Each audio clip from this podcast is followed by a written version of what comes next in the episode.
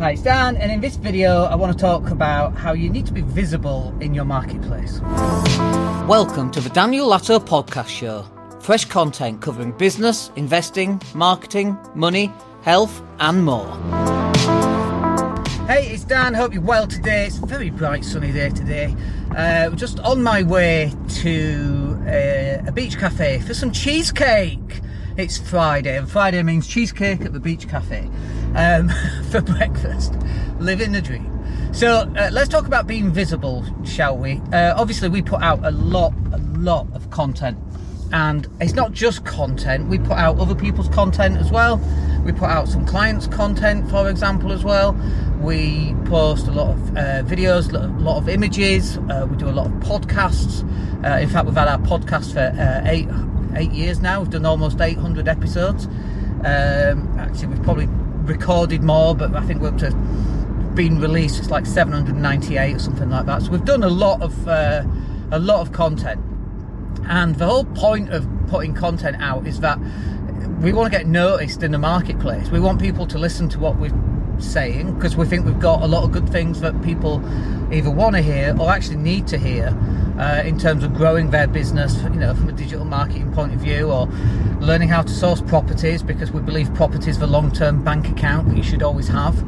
Um, you know, f- through thick and thin, property has always helped us, um, and will continue to help us. Uh, but obviously, you've got to be able to buy it, and the, the way that you buy it is by having a business, making a lot of money in your business, and moving that money over to your property. Right? That's how it should work.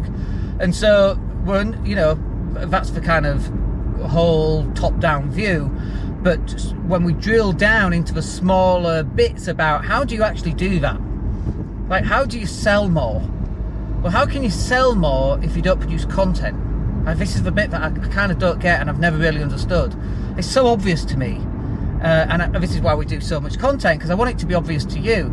If if I've got uh, if I'm selling mobile phones and I want you to come to my mobile phone shop, I have to find a way of promoting my offers or my service or my new iPhone or whatever it happens to be. I have to find a way uh, of actually doing that and putting that information out there so people go, oh, that's what I want to buy. And then they come to my shop.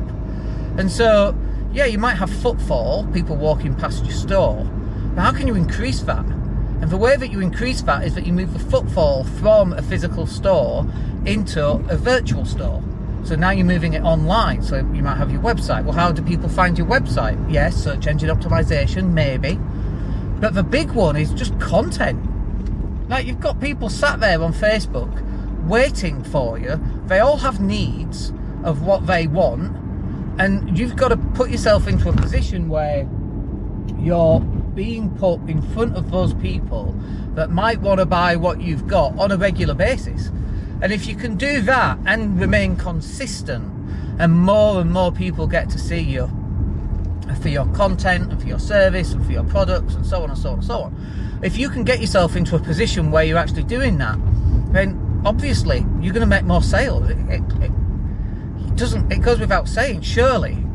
And yet, here we are telling people that they need to put more content in place and so on. And you know, if you think about it, if you've got hundred people watching your content, or you've got a thousand people watching your content, or let me put it another way: if you've got hundred people who know about you and a thousand people know about you, which one of those do you think is going to sell more?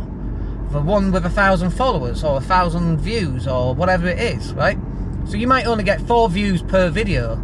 That's fine. 200 videos, five views per video. 200 videos, that's a thousand. And you're like, oh, that's how it works. And then yeah, you're only getting four videos per uh, four views per video, but that that's on day one. By the time you get to day 200, you're getting I don't know. Let's say let's say it's not a lot. Let's say it's 25 views per video. Well, that's still quite a lot. Now your next 10 videos is getting 250 people, whereas before your first 10 videos were getting you 40 people. And then after that, maybe you're getting 100 views per video, and you're like, well, well that's not a lot. But then the, the next 10 videos at 100 people per video is a thousand people. Whereas your 10 first videos at four people was 40. That's 22 times more people going to see your stuff. And so people kind of don't do it because they're like, oh, well, I only got two views. Oh, it doesn't work. It never works when you're only doing one video and you're just testing it. It never works. My videos were atrocious when I first started out, and some people will tell me, Dan, your videos are still atrocious, and that's all right. I'm happy with that. Sometimes we get we get 10 views on a video. Other times, last just last week, we had one video. It had uh, almost 3,000 views on a single video. 3,000 views. Now we don't know how much uh, those people actually watched that video, but it was a short. It was probably about 35 seconds people probably watched most of it, about 70% before we went on to the next one.